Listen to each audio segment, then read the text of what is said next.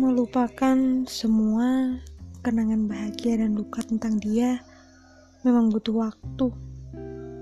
Tapi haruskah ini menutup pintu dan mata hatimu untuk hal lain yang lebih penting? Misal karir dan cita-citamu. Dia siapa bisa menghentikan langkahmu? Dia gak pantas dapat penghargaan sebesar itu. Ini juga tidak adil untuk hatimu yang kamu biarkan terus terluka oleh dia yang mungkin sudah menyesal karena memilih melepasmu. Bangkitlah, karena sekarang ada seseorang yang jauh lebih baik dari dia sedang menanti pekamu.